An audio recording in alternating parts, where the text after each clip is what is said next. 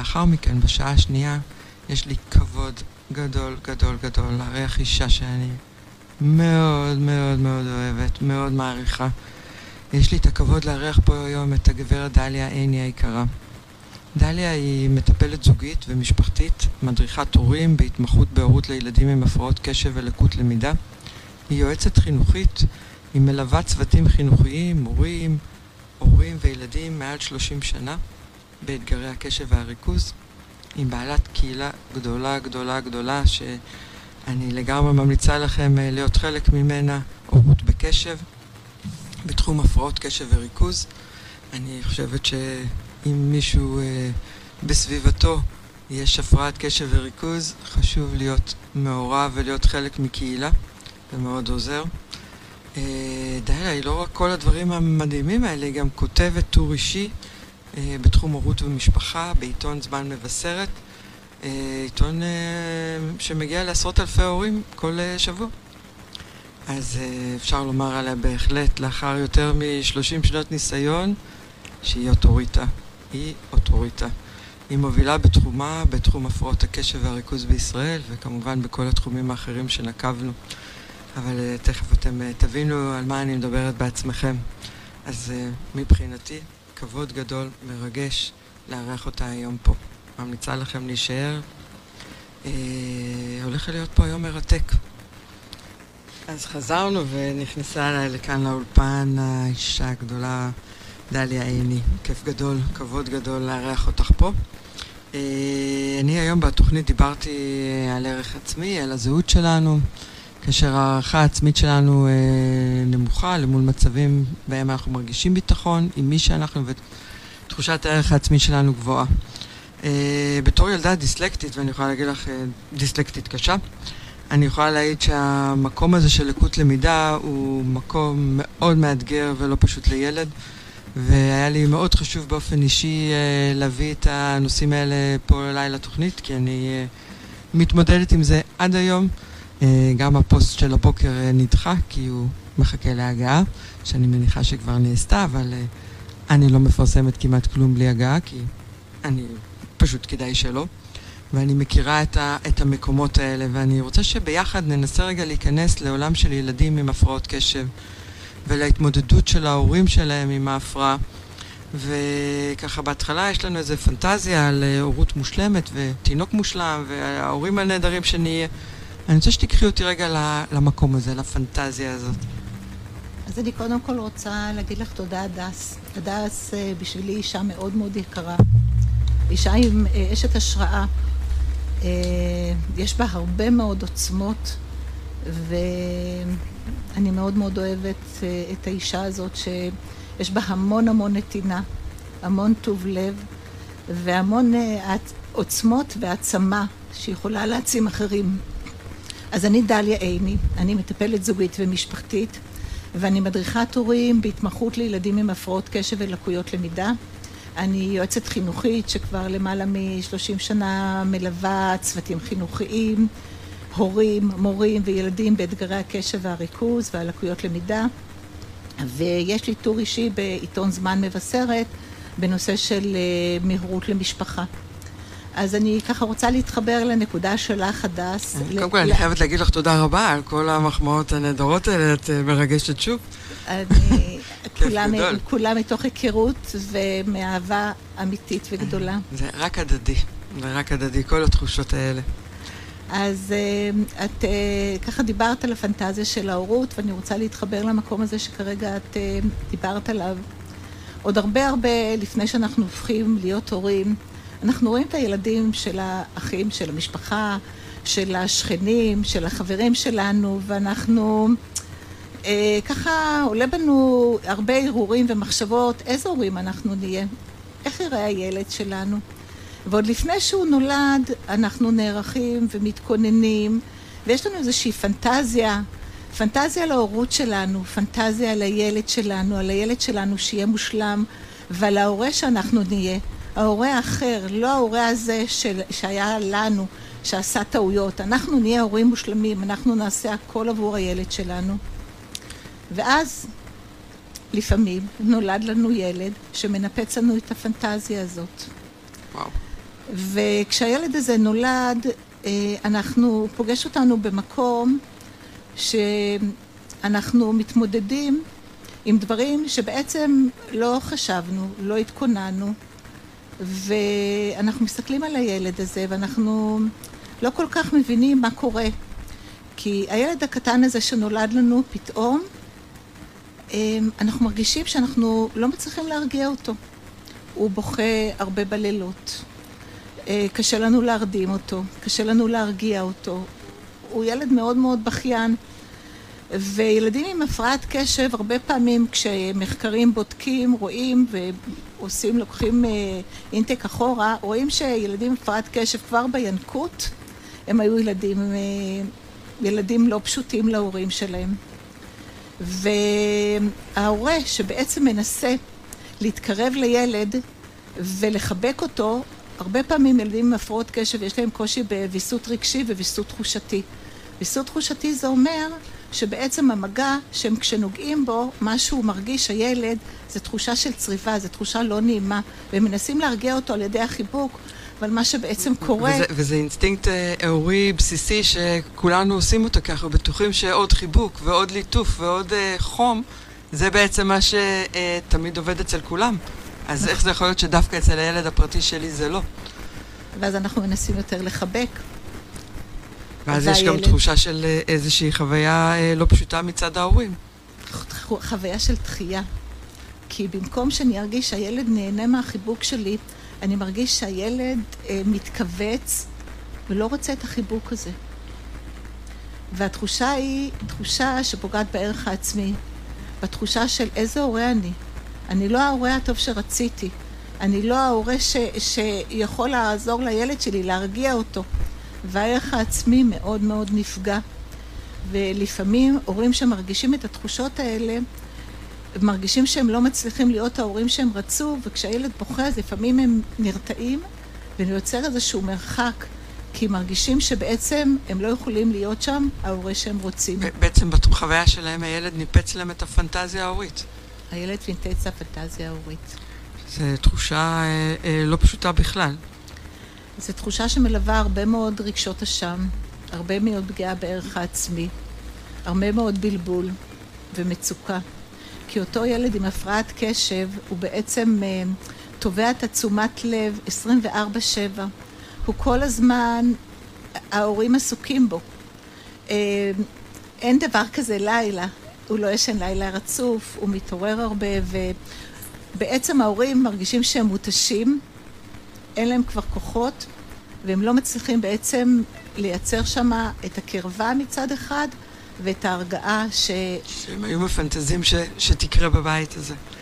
אז אנחנו נצא רגע לשיר, ואנחנו אחר כך אה, ננסה גם לראות איך זה, איך בעצם מתחיל להיבנות ערך עצמי אה, נמוך, גם אצל הילד.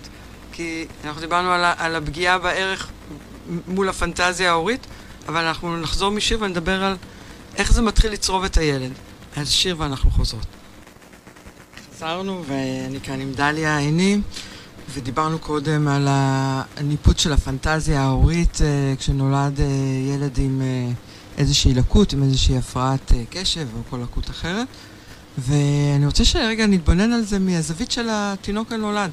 איך, איך לאט לאט בעצם השורש הראשוני של ערך עצמי נמוך מתחיל להיוולד לו. אז אני רוצה עוד כמה דקות, אה, בשני משפטים, אה, עדיין להתייחס להורים, כי מה שבעצם קורה, שההורים חווים אה, מעבר לעניין שהם בעצמם עם רגשות אשם ומרגישים שהם לא ההורים שהם רוצים להיות, אז הסביבה שם במקום שנותנת הרבה מאוד עצות, מאוד ביקורתית כלפם, ואני ארחיב את זה בהמשך, אבל אנחנו ככה בכמה משפטים נתייחס למה קורה עם הילד. בעצם הילד אה, שדיברנו עליו, אותו ילד עם הפרעת קשב, אחד הדברים שקורה, שהוא בעצם אה, דורש הרבה מאוד תשומת לב, מגיל מאוד מאוד קטן, הוא דורש הרבה מאוד תשומת לב, והוא יוצר אצל ההורה הרבה חוויות של תסכול. כמו שדיברנו, ההורה מתקשה אה, להרדים אותו, אה, הוא דורש הרבה מאוד תשומת לב, הרבה מאוד התעסקות. וההורה עם החוויה של התסכול שלו, הרבה פעמים נמצא במקום מאוד ביקורתי כלפי הילד. כי הוא רואה שהילד בעצם, הילד מעצבן אותו כי הוא, הוא לא מצליח להעמיד לו גבולות, והוא חושב שהילד עושה לו דווקא. והוא מרגיש שבעצם הילד נמצא שם במקום שמאכזב אותו, אז ההורה הרבה פעמים נמצא שם במקום מאוד ביקורתי כלפי הילד. ובעצם ילד עם הפרעת קשב כבר מגיל מאוד מאוד צעיר, נמצא שם במקום של הרבה מאוד ביקורת, גם מההורים וגם מהסביבה. מגיל מאוד מאוד צעיר כבר גם הסביבה מאוד ביקורתית, בגן הוא מתקשה לדחות סיפוקים, הוא מתקשה לחכות בתור, הגננת כועסת עליו. הילדים לא רוצים להיות חברים שלו כי הוא חוטף להם מהידיים. מקום לא פשוט בכלל. מקום מאוד מאוד קשה. שבעצם הילד 24 אה, שעות ביממה, 24 חוץ משקול, בשינה, כי בשינה הוא גם לא מצליח לישון, אז גם שם יש עניינים. כל הזמן, זה 24-7. אה, הוא נמצא שם בחוויה של תסכול מאוד מאוד גדולה, בחוויה של הוא מאכזב.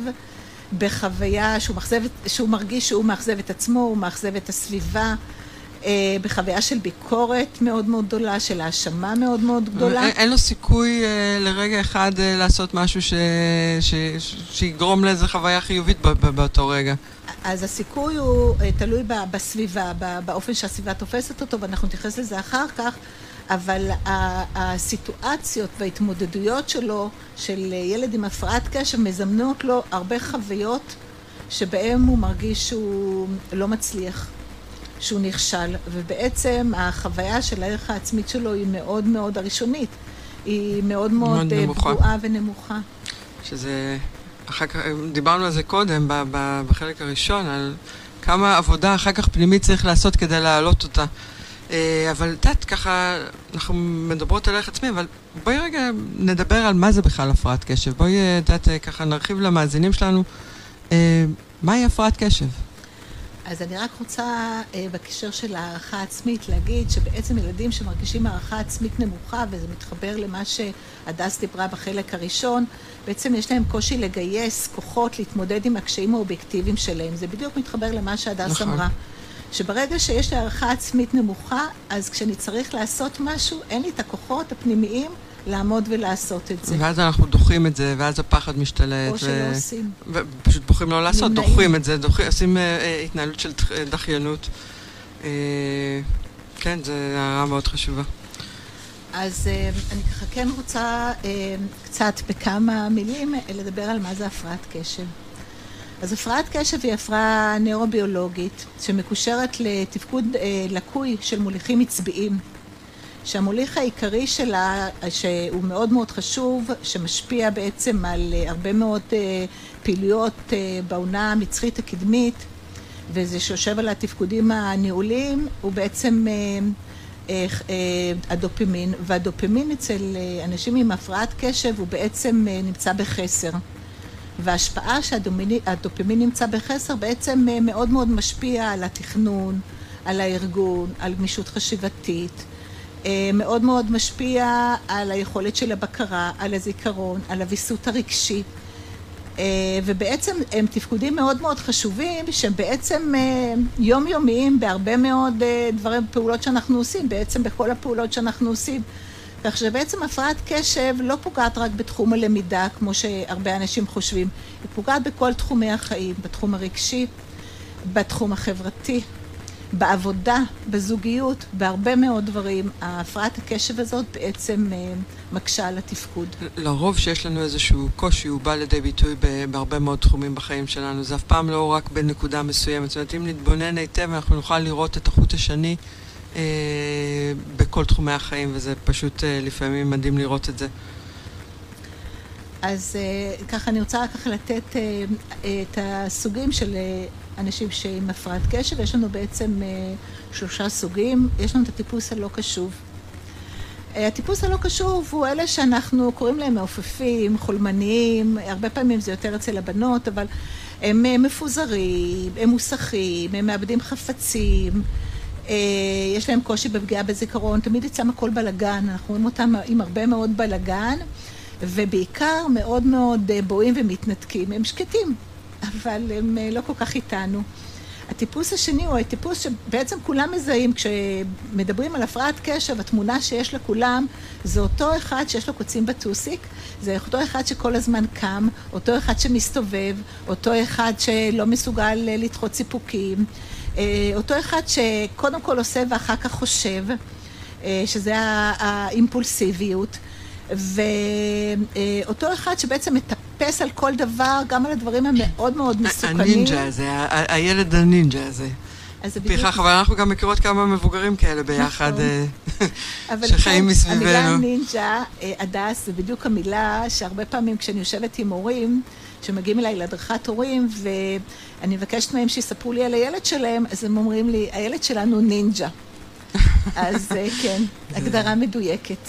כן. ויש את הסוג השלישי שבעצם זה גם וגם. זה גם הנושא הזה של קשיים בקשב, כמו שהזכרנו, המוסכות,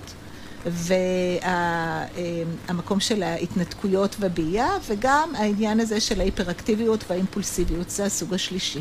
את הזכרת מקודם שבסוג uh, הראשון ככה יותר מאפיין בנות.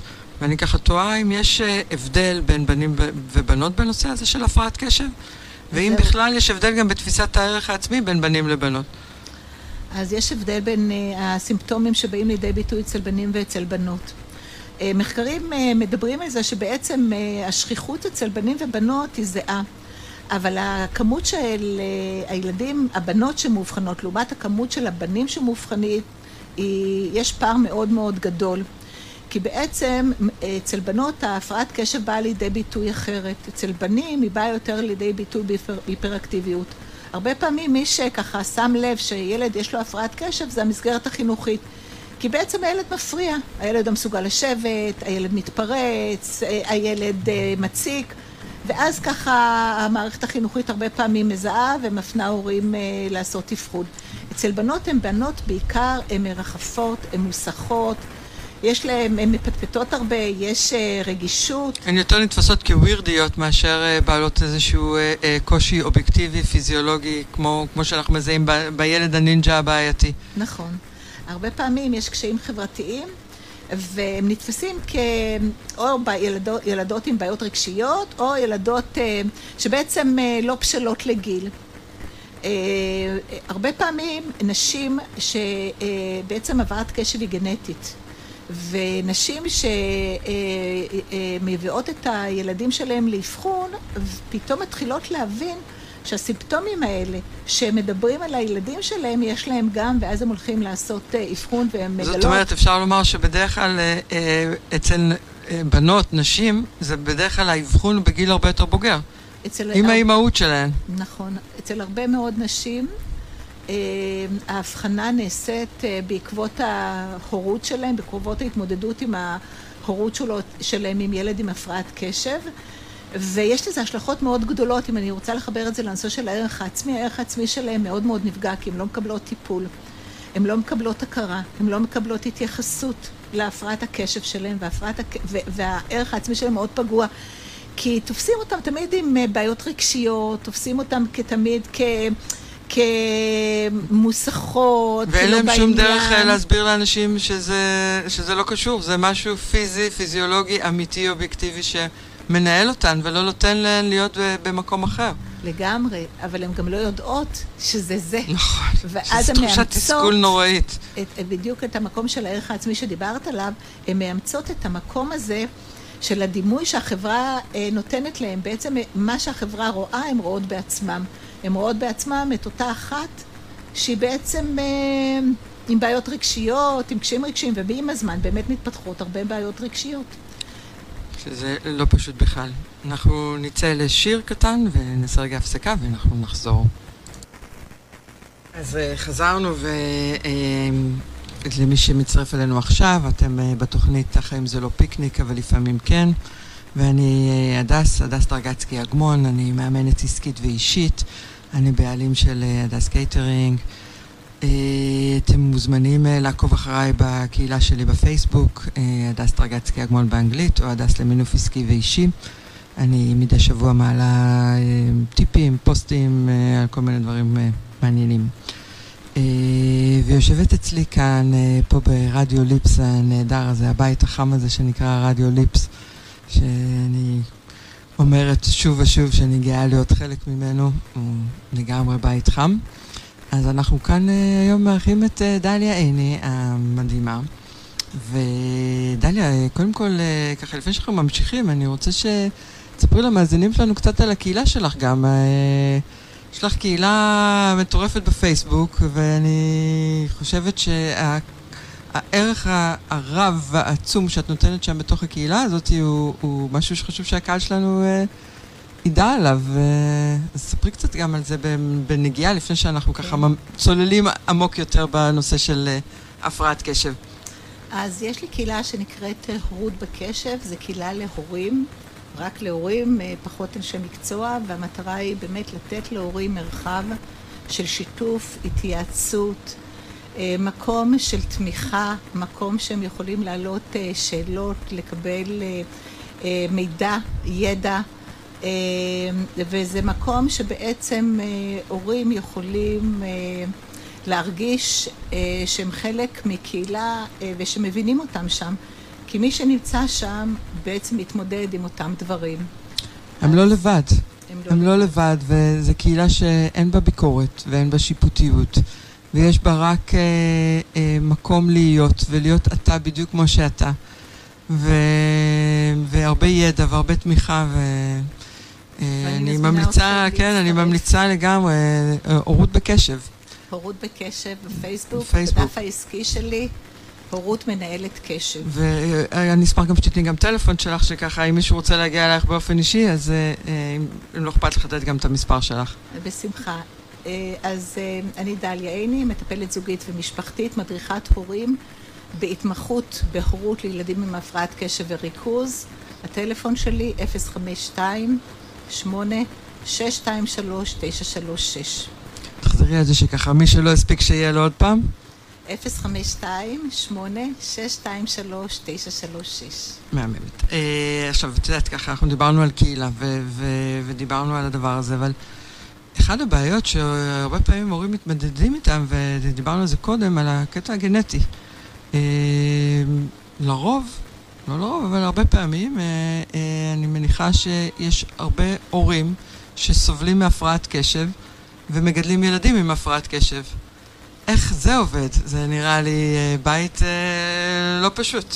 זה בית בהפרעה, ואני כן רוצה רגע לדבר מבחינה סטטיסטית. מדברים על זה שהפרעת אה, קשב היא בעצם גנטית, 75% מההורים, ילדים עם הפרעת, אה, אה, הורים שיש להם הפרעת קשב, נולד להם לפחות ילד אחד עם הפרעת קשב. ובאמת, אחד הדברים שקורים, שהורה עם הפרעת קשב, אני ככה קצת רוצה לחזור על הנושא של הסימפטומים, שדיברנו על הנושא של ויסות, ויסות רגשי. בעצם הנושא של ויסות רגשי אומר שקופצים ישר מ-0 ל-100, מהר מאוד מתעצבנים, מהר מאוד מרגישים שכל דבר ככה הופך להיות משהו שהוא נורא נורא מעצבן ומגיבים אליו באימפולסיביות. אה, כל הנושא של הארגון שדיברנו, שהפרעת הקשב יושבת אל הארגון, אז אה, הורה שיש לו הפרעת קשב אה, מאוד מתקשה להתארגן, והארגון מאוד פוגע בה, גם בהורות שלו. כי אם אני אתן ככה דוגמה לנושא הזה של הארגון, כשהורה עם הפרעת קשב קם בבוקר, ויש לו בעיות בארגון, והוא צריך לארגן את עצמו, והוא צריך לארגן את הילד, שלילד יש הפרעת קשב ולילד צריך עזרה בארגון, בעצם הבית זה בית, אה, מתחיל הבוקר בוקר בבלאגן אחד שלם. אני יכולה לדמיין את הבית הזה, זה נראה לי חגיגה לא פשוטה.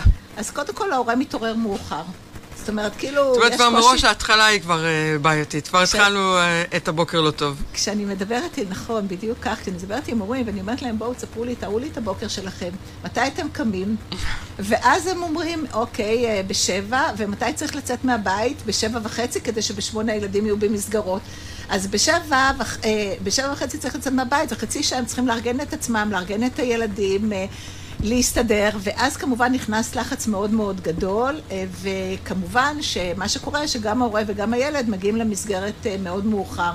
עכשיו, זה מכניס להרבה מאוד למתח, הרבה מאוד ללחץ. אה, ההורה מתחיל לצרוח על הילד, לעשות במקום הילד פעולות שהילד עשוי וצריך לעשות בעצמו. מתחיל להלביש אותו, לפעמים שוכח לתת לו כדור. את הטיפול התרופתי, כי הוא נורא נורא ממהר, לא כי הוא לא רוצה לתת. והכל יוצר אווירה של לחץ מאוד מאוד גדולה, צרחות בבית, בלאגן בבית, שוכחים לקחת דברים, הילד לא לוקח את כל הציוד כי אף אחד לא עבר, לא הספיק לעבור בבוקר, אז הילד מתחיל לא טוב את הבוקר, הוא מגיע לבית הספר.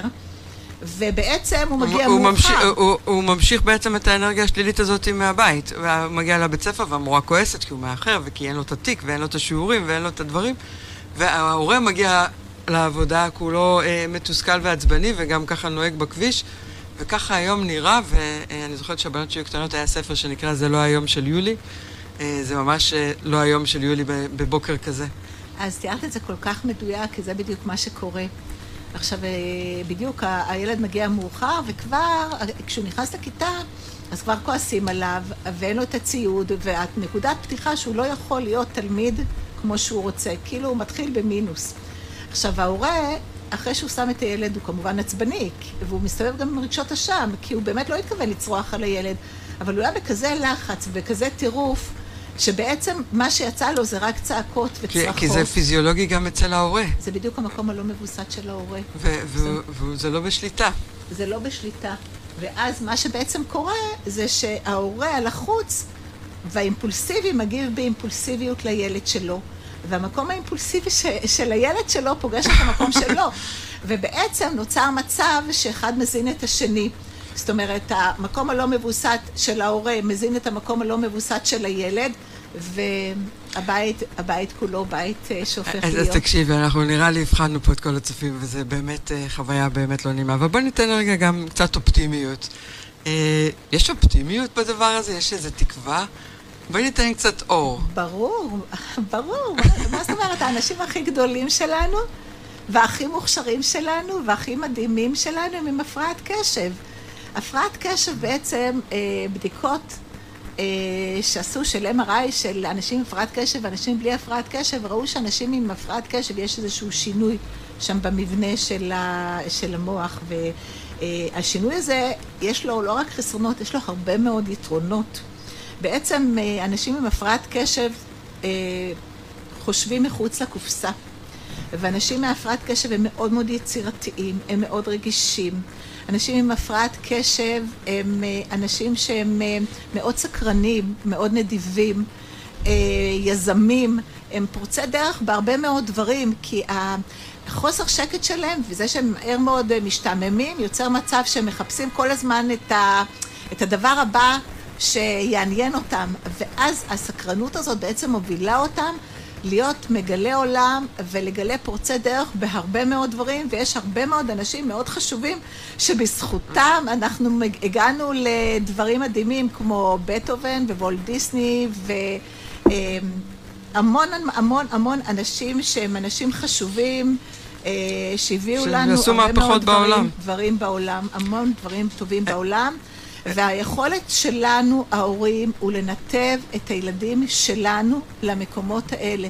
הפרעת קשב זה לא אומר שילד לא יכול, זה אומר שילד צריך את ההורות המותאמת כדי לה, שאותן תכונות טובות, אותם כישורים ואותם חיזוקים, בעצם הם אלה שיבנו את הערך העצמי שלו, ושם הוא ירגיש שהוא חזק ועם הורות מותאמת שיודעת לזהות את ההפרעת הקשב של הילד ולתת באמת את, ה, את התנאים המתאימים, הילד יכול לצמוח ויש לנו הרבה מאוד אנשים שהם אה, בהרבה מאוד תפקידים חשובים ושהם הפרעת קשב. חשוב, חשוב לי להדגיש כאן שמבחינתי זה היה סקופ אה, אתמול שככה אה, שרת אותי בדבר הזה. אה, שכל הדברים הנהדרים האלה, היצירתיות, החשיבה מחוץ לקופסה, הרגישות, ההומור, הסקרנות, היזמות, היא בילד אין, היא חלק מההפרעה. זאת אומרת, יש את הדברים השליליים בהפרעה, אבל לצידם חלק מההפרעה מכילה בתוכה את כל הדברים הנפלאים האלה. זאת אומרת, זה שם תמיד. זה לא... זה בזכות ההפרעה. בזכות זה בזכות ההפרעה, וזה... זה... יש, יש כאלה שבאמת אה, אומרים תודה רבה ורואים בהפרעה כ, כמתנה. כי בזכות ההפרעה הם בעצם הצליחו לחשוב מחוץ לקופסה ולהביא וליצור וליזום דברים שאנשים שאין להם הפרעת קשב לא יכולים לחשוב עליהם, כי זה, הם זה נורא יכול נורא להיות עם ערך. מוסף אה, אה, שאין ל, ל, לאדם ממוצע רגיל אחר. נכון. ואת יודעת, ככה בוא ננסה לחשוב רגע, אה, אנחנו ב- ממשיכים עם האופטימיות. אז אה, אה, דיברנו על זה שקודם כל מודעות, אנחנו ברגע שההורים מודעים לזה ו, ויש אז אה, אה, אלטרנטיבות ויש דרך להתמודד עם זה ויש אה, קהילות ויש אה, אה, דרכים, אה, מה עוד ההורים יכולים לעשות? מה התפקיד של ההורה פה בבנייה של הערך העצמי של הילד? אז יש לנו מומחה בעל שם עולמי שקוראים לו ברקלי. וברקלי מגדיר את ההורים כרועי צאן של הילדים שלהם. בעצם התפקיד של ההורים הוא תפקיד מאוד מאוד משמעותי תמיד עבור הילדים שלהם. עם ילדים עם, עם הפרעת קשב, התפקיד של ההורים הוא מאוד מאוד עוד יותר קריטי ומאוד משמעותי אה, למה שהם בעצם יגדלו, לבוגרים שהם יהפכו, לערך העצמי שהילדים האלה יסתובבו בחיים שלהם. ואיך שהם יתפסו את עצמם. אחד הדברים הנורא נורא חשובים זה רכישת ידע. ידע זה כוח. כשאתה יודע מה זה הפרעת קשב, המקום הזה של להבין מה, למה הילד מתנהג ככה, ולהבין שבעצם הוא לא עושה לי דווקא, הוא לא עושה לי בכוונה, שמה שכרגע הוא עשה, שכרגע כשהוא לא הקשיב לי, זה לא כי הוא מזלזל בי, זה פשוט, הוא מוסך, הוא שקוע כרגע בעולם שלו בדברים אחרים. כשהפרשנות משתנה ויש הבנה, אז המקום הזה הוא מקום שיותר יכול להיות אמפתי לילד. הוא מקום שיותר יכול לראות את הילד ולסייע לילד. לכן נורא חשוב להבין מה זה הפרעת קשב ואיך הפרעת קשב באה לידי ביטוי אצל הילד שלי, כי חשוב לי להדגיש שכל הפרעת קשב נראית אחרת. אין הפרעת קשב אחת שדומה להפרעת קשב אחרת. זה תלוי גם על מה הפרעת הקשב יושבת, כמו שאמרתי, על איזה תפקודים ניהוליים, אבל גם לסביבה יש הרבה מאוד השפעה על איך הפרעת הקשב הזאת אה, תבוא לידי ביטוי, איך וכמו העוצמות האלה שאמרת, יבואו זה, לידי זה מאוד ביטוי. נכון, זה ברגע שאנחנו מודעים, אנחנו בעצם מצליחים להסתכל על הסיטואציה בדרך אחרת, אנחנו מפרשים אותה בצורה אחרת. הרגע שיתלווה לנו ל, ל, לפירוש הזה יהיה אחר לגמרי, ומן הסתם התגובה שלנו לילד תהיה הרבה יותר אה, מכילה ופחות ביקורתית, ואנחנו נוכל בעצם להעצים אותו, ולא אה, אה, להקטין ו, ולכעוס, ו, וגם לחוות את התסכול בעצמנו, וגם להרגיש אה, אה, אה, ירידה בערך שלנו כהורה, וגם מול הילד, והמודעות היא בעיניי השלב הראשון, המאוד מאוד חשוב. כן, אז בעצם ברגע שיש את המודעות, אז גם הערך העצמי של הילד עולה.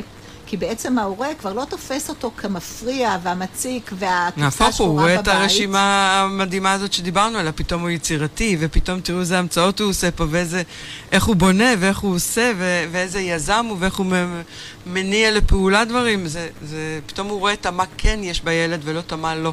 וגם וזה- זה משפיע על הערך העצמי של ההורה עצמו. כי פתאום הוא מבין שזה לא שהוא הורה לא טוב. זה יש לו ילד שצריך הורות אחרת, הורות יותר מותאמת. זה לא אני לא יודע להיות הורה. זה לא אני, אה, כאילו מבחינת הרגשות האשם ומבחינת הערך העצמי, זה נותן מקום להורה להרגיש עם עצמו אחרת, וגם אז הערך העצמי שלו עולה. הוא גם זוכה, ל... הוא גם. זוכה לחוויות מאוד אה, חיוביות, כי אם הוא לומד איך אה, מתפקדים נכון עם ילד עם לקות כזאת, הוא חווה הצלחה, כי הילד, במקום להיות הילד המעצבן, הופך להיות פתאום הילד אה, אה, הרבה יותר נעים, הרבה יותר כיף, שהוא מרגיש גאווה ו- וזכות, אה, בעצם ההתנהלות החדשה שלו בונה את הערך העצמי גם של ההורה. בדיוק כך. בונה את הערך העצמי של ההורה ובונה את הערך העצמי של הילד. וכאן אה, אחד הדברים שמאוד מאוד חשובים זה המקום של אה, להאמין, להאמין בהם. זה, זה, זה אני כמובן אומרת, אה, כל ילד צריך בסוף מבוגר אחד שיאמין בו, זה כל הסיפור.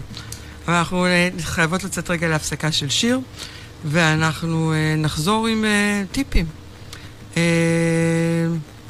טיפים, או ננסה ככה לראות איך אנחנו בכל זאת יכולים לעזור להורים להתמודד עם הדברים. שיר וחוזרים.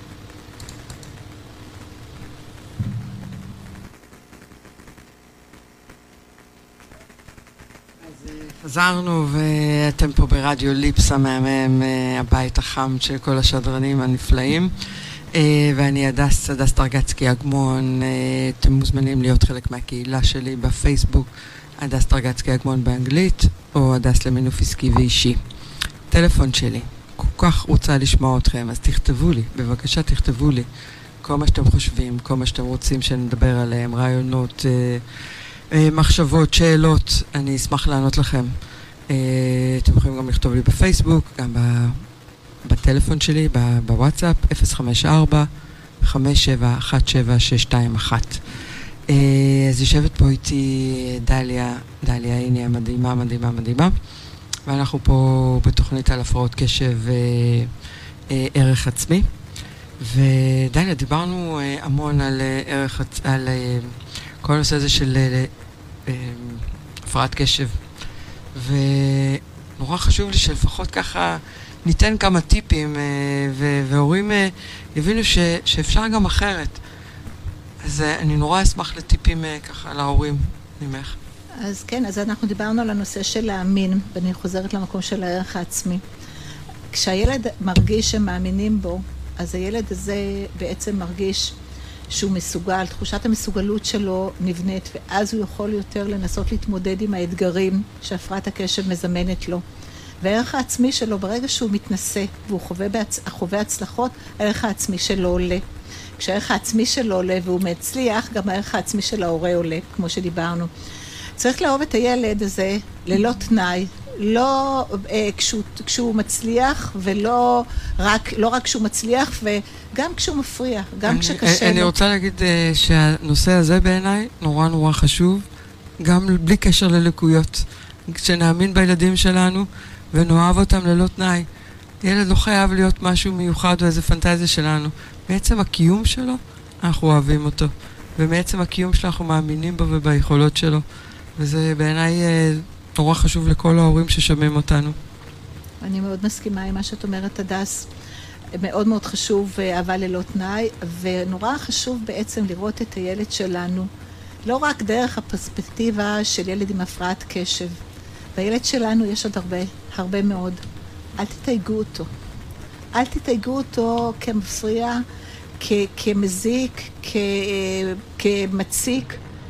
תנס, תשימו זרקור מאוד מאוד גדול על היכולות שלו, על החוזקות שלו, תפתחו, תעזרו לו לגלות אותם ולפתח אותם. אם הוא יצירתי, קחו אותו, ואם הוא יודע לצייר לחוגים שבציור, אם הוא מוזיקאי, לחוגים במו, במוזיקה.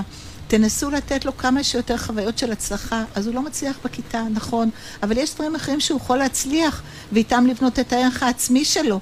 תאפשרו לו, תחזקו, תפתחו בפניו את העולמות האלה שבהם הוא יוכל לחזק את הערך העצמי שלו, שבהם הוא יוכל לחוות חוויות של הצלחה, שבהם הוא ירגיש שהוא שווה, שהוא מסוגל ושהוא יכול. את יודעת, אה, בשעה הקודמת דיברתי על אה, לשים את הפנס על מה כן ועל מה טוב, וזה בדיוק מה שאת אומרת, זה, זה לראות מה כן טוב בילד שלי, ומה כן הוא יודע לעשות, ומה כן הוא יכול לעשות.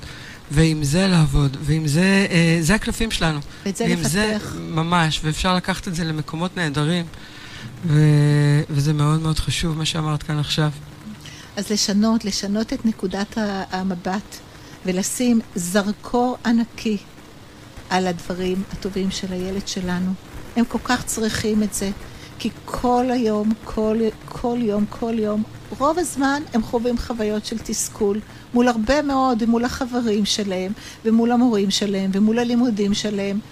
ואתם, אתם ההורים בבית, לכם יש את הזכות ואת החובה להיות שמה כדי לעזור להם לראות את הטוב שיש בהם, ולפתח את הטוב הזה, ולפתח את הערך העצמי שלהם, שיגדלו לבוגרים מסוגלים, לבוגרים שמאמינים בעצמם, לבוגרים שיכולים, שהשמיים הם הגבול עבורם. ובאמת השמיים לילדים האלה הגבול עבורם, כי דיברנו על כל הדברים הנהדרים שיש להם בעסקת חבילה הזאת שהם קיבלו, ואם אנחנו רק ניתן להם את הערך העצמי הזה הגבוה, לצד כל החוזקות המיוחדות שהם קיבלו מתנה בילדין, באמת רק השמיים הגבול עבורם. אז אני רוצה לחזק ולהגיד שלתפיסת ההורים יש משמעות מאוד מאוד גדולה. כל המחקרים מוכיחים שהאופן שהורה תופס את הפרעת הקשב של הילד, ככה הילד גם תופס את הפרעת הקשב שלו. אם ההורה תופס את הילד עם הפרעת הקשב כילד שאין לו סיכוי וכבר מה יצא ממנו, אז גם הילד נמצא במקום הזה שככה הוא הדימוי העצמי שלו. גם הוא תופס את עצמו כמישהו שלא שווה. אז לכם ההורים יש הרבה מאוד השפעה. הרבה מאוד השפעה והרבה מאוד כוח. אז כנסו לקהילה של דליה, הורות בקשב, אני ממש ממליצה לכם בחום, זה... אפשר ללמוד שם הרבה, ואפשר שהבית יהיה נעים ורגוע ושקט, ו... ואפשר גם אחרת. אז uh, קודם כל, תכירו בזה, שאפשר גם אחרת. אפשר שהבית יהיה שקט, אפשר להאמין בעצמנו, אפשר לא להיות אחיינים, אפשר להתחייב. אני התחייבתי פה על אתגר החמש דקות אופניים כל יום. לא יודעת מאיפה הבאתי את ההתחייבות המהירה הזאת פה, אבל אני אקח עליה אחריות, ואני מבטיחה לדווח פה ב... אה, מה קורה עם זה בשבוע הבא. אנחנו אה, נצא רגע לשיר. חזרנו ואנחנו ככה בדקות האחרונות לפני סיום, אז דליה ככה, משפט אחרון שככה חשוב לך עוד אה, אה, ככה שנדבר עליו בנושא הזה של הפרעת קשב. אז אני כן רוצה להגיד לכם, הורים יקרים, לכל מי שמאזין, ברגע ששומרים את הפרעת הקשב כסוד ומפחד, ונמצאים שם במקום שחושבים שאם אתם תשתפו את בית הספר או את המשפחה בזה שלילד יש הפרעת קשב והוא יהיה מתויג, זה בדיוק יוצר את המצב ההפוך, כי מה שבעצם קורה כשאתם לא יודעים, כשאת, כשהסביבה לא יודעת שלילד יש הפרעת קשב, קודם כל, מבחינת בית ספר, בית ספר לא יכול לעזור, אבל מבחינת הסביבה, אתם והחברים והמשפחה, הם מגיבים אליכם ולילד כביקורת. הם לא מבינים, הם תופסים את הילד כילד לא מחונך, את הורי, אתכם כהורים שאתם לא יודעים לחנך. אתם סופגים הרבה ביקורת, אתם נמנעים מללכת לדברים כי אתם לא רוצים להרגיש מובכים. שתפו ועזרו בסביבה. כדי להבין את הילד שלכם, וכדי שבמקום שהילד שלכם יהיה שם במקום של ביקורת סביב התנהגות, תהיו השגרירים שלו, תבואו, תגידו את הדברים החזקים שלו ותעצימו אותו בפני הסביבה. לכם ההורים יש המון כוח, סביבה שמאפשרת, מעודדת, מחזקת ומותאמת, מגבירה את הסיכויים של הילד לחוות חוויות של הצלחה, להיות שם במקום שהכישורים שלו יבואו לידי ביטוי, לחזק את הדימוי והערכה העצמית שלו, את התחושה של המסוגלות שלו, שכל כך חשובה, ולהפוך את הפרעת הקשב למתנה, להפוך את הפרעת הקשב למשהו שהוא יכול להתמודד איתה וגם להצליח. וואו, זה, זה, אני חושבת שזה המשפט הכי כיפי לסיים איתו, שהפרעת קשב היא, היא סוג של מתנה. יכולה להיות. והיא יכולה להיות לגמרי, ותלמדו, אמ, תכירו, תהיו מודעים לדברים, אפשר גם אחרת. והכי חשוב, חברים שלי, מאזינים יקרים, אה, תזכרו את היהלום המנצנץ שבתוככם. בכל אחד ואחד מאיתנו יש יהלום מנצנץ, אל תוותרו עליו. זוכרים? סוף השבוע הזה אתם עוצרים לרגע, מסתכלים פנימה, מתבוננים, מה אתם אוהבים, מי אתם, מה אתם, מה חשוב לכם. תעצרו, תתבוננו, אל תהיו במרדף הזה כל הזמן. אה, שיהיה לנו שבת שלום. לי היה עונג כרגיל להיות פה. תודה לרדיו ליפ שאפשר לי את התוכנית הנהדרת הזאת. אה, מוטי היקר, תודה רבה לך, ושיהיה לנו שבת שלום. שיר, ביי ביי.